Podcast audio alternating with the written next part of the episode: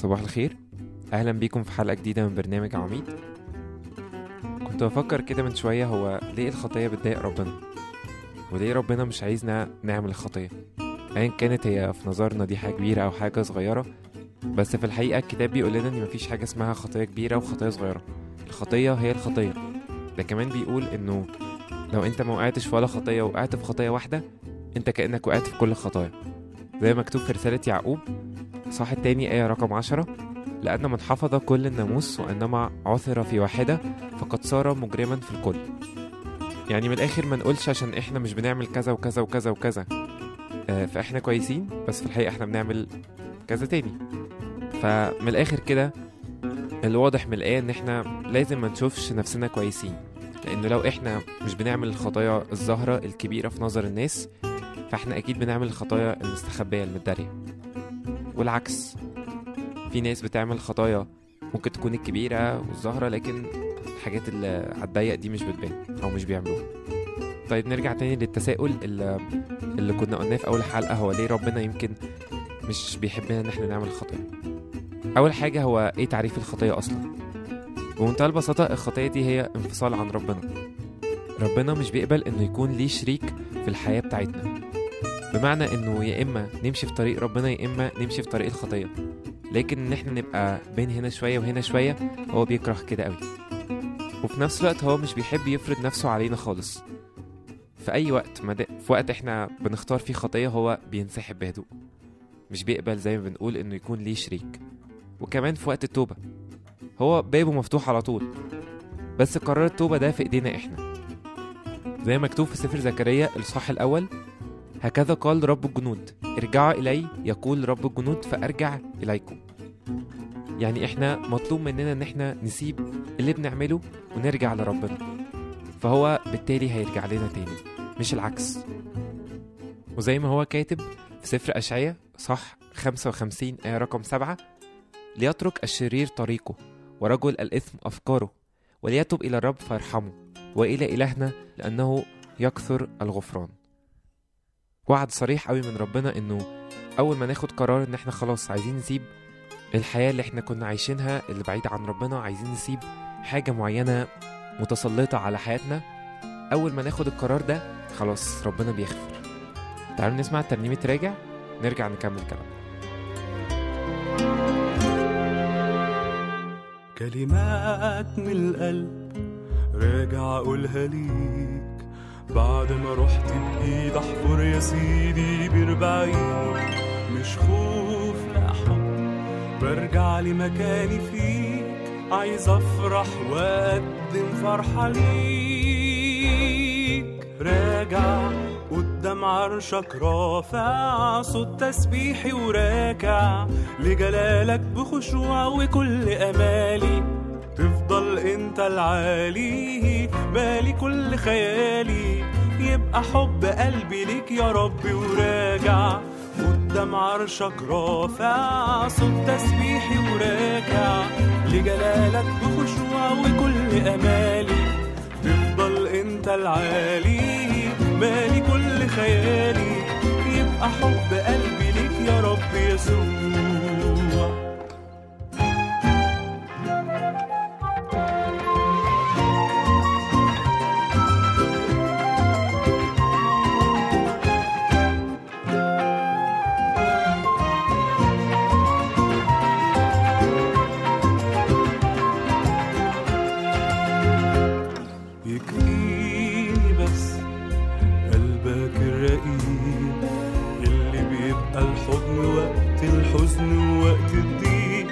على طول بحس إنك ليا الصديق لو أبعد لما أرجع بلاقيك. راجع قدام عرشك رافع صوت تسبيحي وراكع لجلالك بخشوع وكل أمالي. تفضل أنت العالي مالي كل خيالي. يبقى حب قلبي ليك يا ربي أمام عرشك رافع صوت تسبيحي وراجع لجلالك بخشوع وكل أماني. تفضل أنت العالي. مالي كل خيالي. تبقى حب قلبي ليك يا رب يسوع.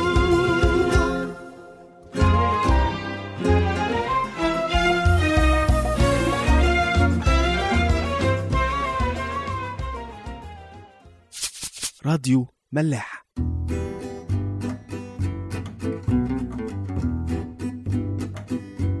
طيب رجعنا لكم تاني. بيجينا أوقات كده بنحس إن إحنا بننادي على ربنا وهو مش سامعنا. بنحاول ندور عليه ومش لاقيينه. وبنستغرب وبنقول طب ليه يا رب؟ يعني أنت مش قادر تساعدنا؟ أنت مش سامعنا ولا الغلط فين؟ إحنا مش عارفين. والحقيقة إني من ضمن أسباب إن إحنا مش عارفين نسمع صوت ربنا أو نميز صوته هو خطيتنا. زي ما مكتوب في مزمور 66 آية رقم 18 إن رعيت إثما في قلبي لا يستمع لي الرب. طب هل مثلا لما إحنا نتوب وبنقدم توبة حقيقية لربنا هل إحنا مش هنغلط تاني؟ لا إحنا هنغلط. طب هل كل ما هنغلط ربنا مش هيسمع لنا؟ لا. الآية دي مكتوب فيها إن رعيت إثما في قلبي. الحكاية عاملة كأنه أب بيربي ابنه وبيرعاه وكل يوم بيحاول يكبره. إحنا مرات بنعمل كده مع الخطية. نقعد نربي كده خطية في قلبنا وبنهتم بيها قوي. ممكن من بره نقول إحنا ماشيين مع ربنا وفي طريق توبة بس في كده خطية إحنا بس اللي بنبقى عارفينها. كل واحد مع نفسه هو اللي بيبقى عارف انه في قلبه في حاجة شايلها مش راضية ربنا. في الوقت ده بقى ربنا مش هيسمع. ربنا كده هياخد جنب شوية عشان نبتدي نعرف ان إحنا لازم نراجع شوية حياتنا. في حاجة في حياتنا مضايقانا. سفر أشعية برضو إصحاح 59 أول آيتين مكتوب كده. ها أن يد الرب لم تقصر عن أن تخلص ولم تثقل أذنه عن أن تسمع. بل أثامكم صارت فاصلة بينكم وبين إلهكم وخطاياكم سترت وجهه عنكم حتى لا يسمع.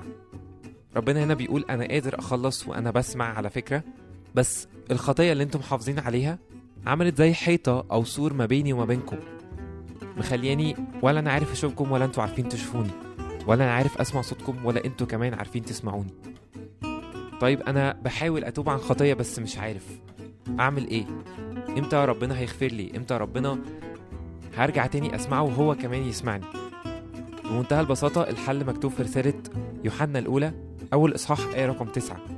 إن اعترفنا بخطايانا فهو أمين وعادل حتى يغفر لنا خطايانا ويطهرنا من كل إثم. اعترف بخطيتك اعترف بضعفك. قول أنا غلطت. قول أنا رعيت اسم في قلبي كتير قوي ربيت كده خطايا معينة وحافظت عليها. كنت بقول إن أنا ماشي في طريق ربنا ولابس ماسك قدام الناس بقول إن أنا ابن ربنا وفي خدمة ومش عارف وكنيسة. لكن أنا من جوه في حاجة مضايقة ربنا مني. تعالوا نسمع ترنيمة ارحمني يا الله نرجع نكمل كلام.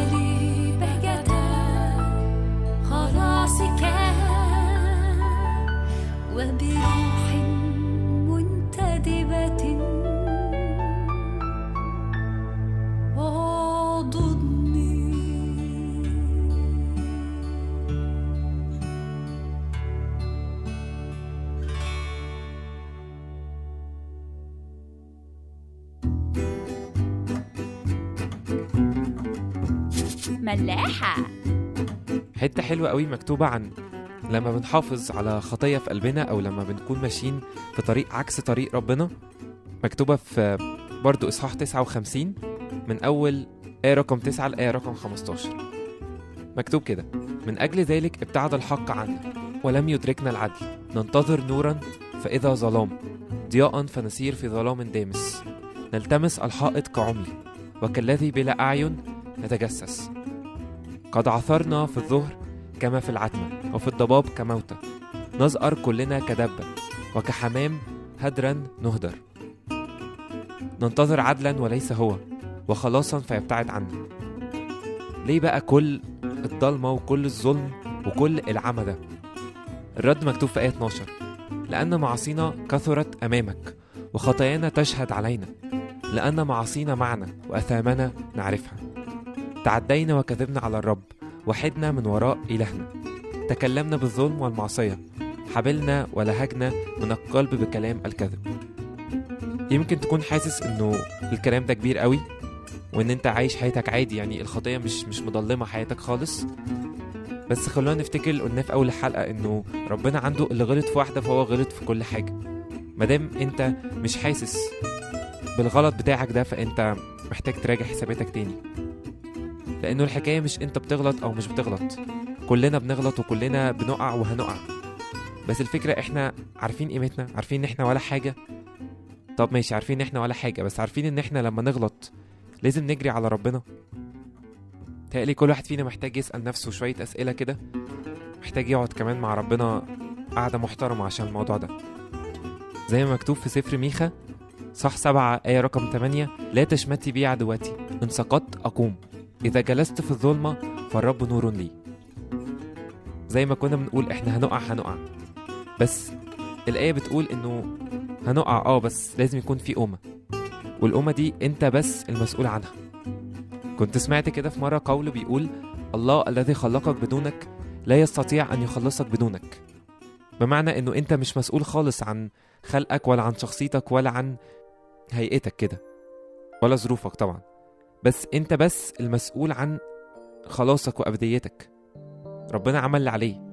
بس زي ما كنا بنقول هو مش بيحب يفرض نفسه على حد. تعالوا نسمع ترنيمة لسه بتقبلنا ونرجع نكمل كلامنا حتى إيماننا ضاع بنفسينا حتى نشوفنا الأمل مفقود فينا.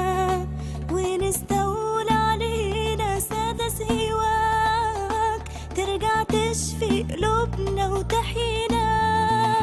حتى إيماننا ضاع بنفسينا حتى نشوفنا الأمل مفقود فينا.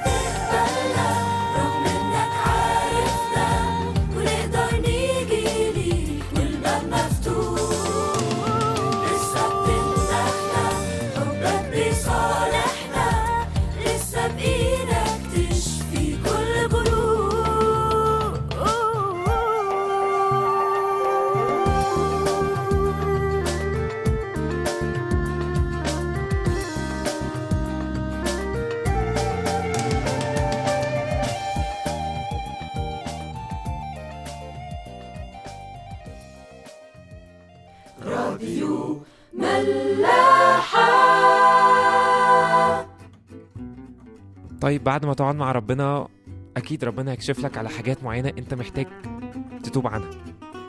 عن طرق مش عاجباه في حياتك. زي ما مكتوب إن السماء تفرح بخاطي واحد يتوب بس في واحد بس هيموت وترجع عن قراراتك اللي خدتها دي. وهيعمل كل اللي يقدر عليه عشان ترجع تاني زي زمان أو من الآخر ما تتحركش من مكانك. هيحاربك كتير قوي يمكن يحاربك بأقرب الناس ليك مش شرط تكون حاجات حروب بسيطة يعني ممكن يحاربك بإنك تحس إنك مش سامع صوت ربنا أو حاسس إنك بتنادي وبتكلم حيطة. بس ما تخافش وما تجيبش ورا لأنه هو ده اللي إبليس عايزك تعمله إنك ترجع عن كل قراراتك اللي خدتها. وما تتوبش طبعا. وأكيد ربنا بيقدر قوي الصراع والحرب اللي بنبقى فيه في الوقت ده. وبيدي قوة ومعونة جامدة جدا. بس ده بيتوقف عليك أنت قد إيه ماسك في وعد ربنا وقد إيه بتطلب حضوره هو بس. امسك في كل الوعود اللي قلناها النهارده في الحلقة ولو قعدت مع الكتاب المقدس كده قعده محترمة هتلاقي وعود أكتر وأكتر وهتلاقي ربنا بيكلمك بطرق كتيره قوي آخر حاجة هشاركها معاكم النهارده هي موجودة في سفر أشعياء 63 ساعتها أشعياء كان جاب آخره من الشعب شوية وكان لقى إنه الشعب ده مفيش منه رجا قلبه بقى غليظ قلبه بقى بيحب الخطية بقى رافض حضور ربنا. في آخر ثلاث آيات في الإصحاح ده أشعياء بيقول كده لماذا أضللتنا يا رب عن طرقك؟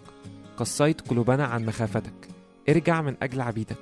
أسباط ميراثك إلى قليل امتلك شعب قدسك مضايقون داسوا مقدسك. قد كنا منذ زمان كالذين لم تحكم عليهم ولم يدع عليهم باسمك. أشعياء جاب من الآخر في الحتة دي وحاسس بضعفه الشخصي وحاسس بضعف الشعب ورامي الحمل كله على ربنا. بيقول له انت ليه يا رب خليت قلوبنا مش حاسة بيك خالص ومش هامم ومش فارق معاها ان هي تضايقك وتزعلك؟ ليه يا رب سمحت ان إحنا نبعد عن طريقك؟ حابب قوي ان أنا اصلي معاكم لمدة لحظات بسيطة كده ونفسي مهما تكون بتعمل أي حاجة تغمض عينك وتصلي معايا. يا رب يسوع المسيح بشكرك لأنه وعود كتير قوي يا رب من وعودك هي للخطاة وللتعبانين. وللمساكين والأرملة واليتيم. أشكرك يا رب لأنك حاسس بينا بشكرك لأنك أبوابك يا رب دايما مفتوحة لينا. جايين لك يا رب والخطية سايدة يا رب على حياتنا وسايدة على قلوبنا. بنقول لك تعالى وحررنا تعالى بندعوك يا رب إنك أنت تبقى الملك. ميبقاش ليك يا رب أي شريك في حياتنا. بنسلمك حياتنا بنسلمك أحلامنا بنسلمك علاقاتنا. بنسلمك كل حاجة يا رب. وبنقول لك استخدم كل ده لمجدك؟ تعالى يا رب ونقينا تعالى وثبتنا يا رب فيك أكتر وأكتر. إدينا ثقة يا رب إن إحنا خطايانا بتتغفر لما بنجيلك بتوبة حقيقية يا رب. ما تخليش يا رب يبقى في مكان لإبليس في حياتنا وفي فكرنا وفي كلامنا يا رب. أشكرك يا رب لأنك بتسمع وبتستجيب يا رب. ليك كل مجد وكرامه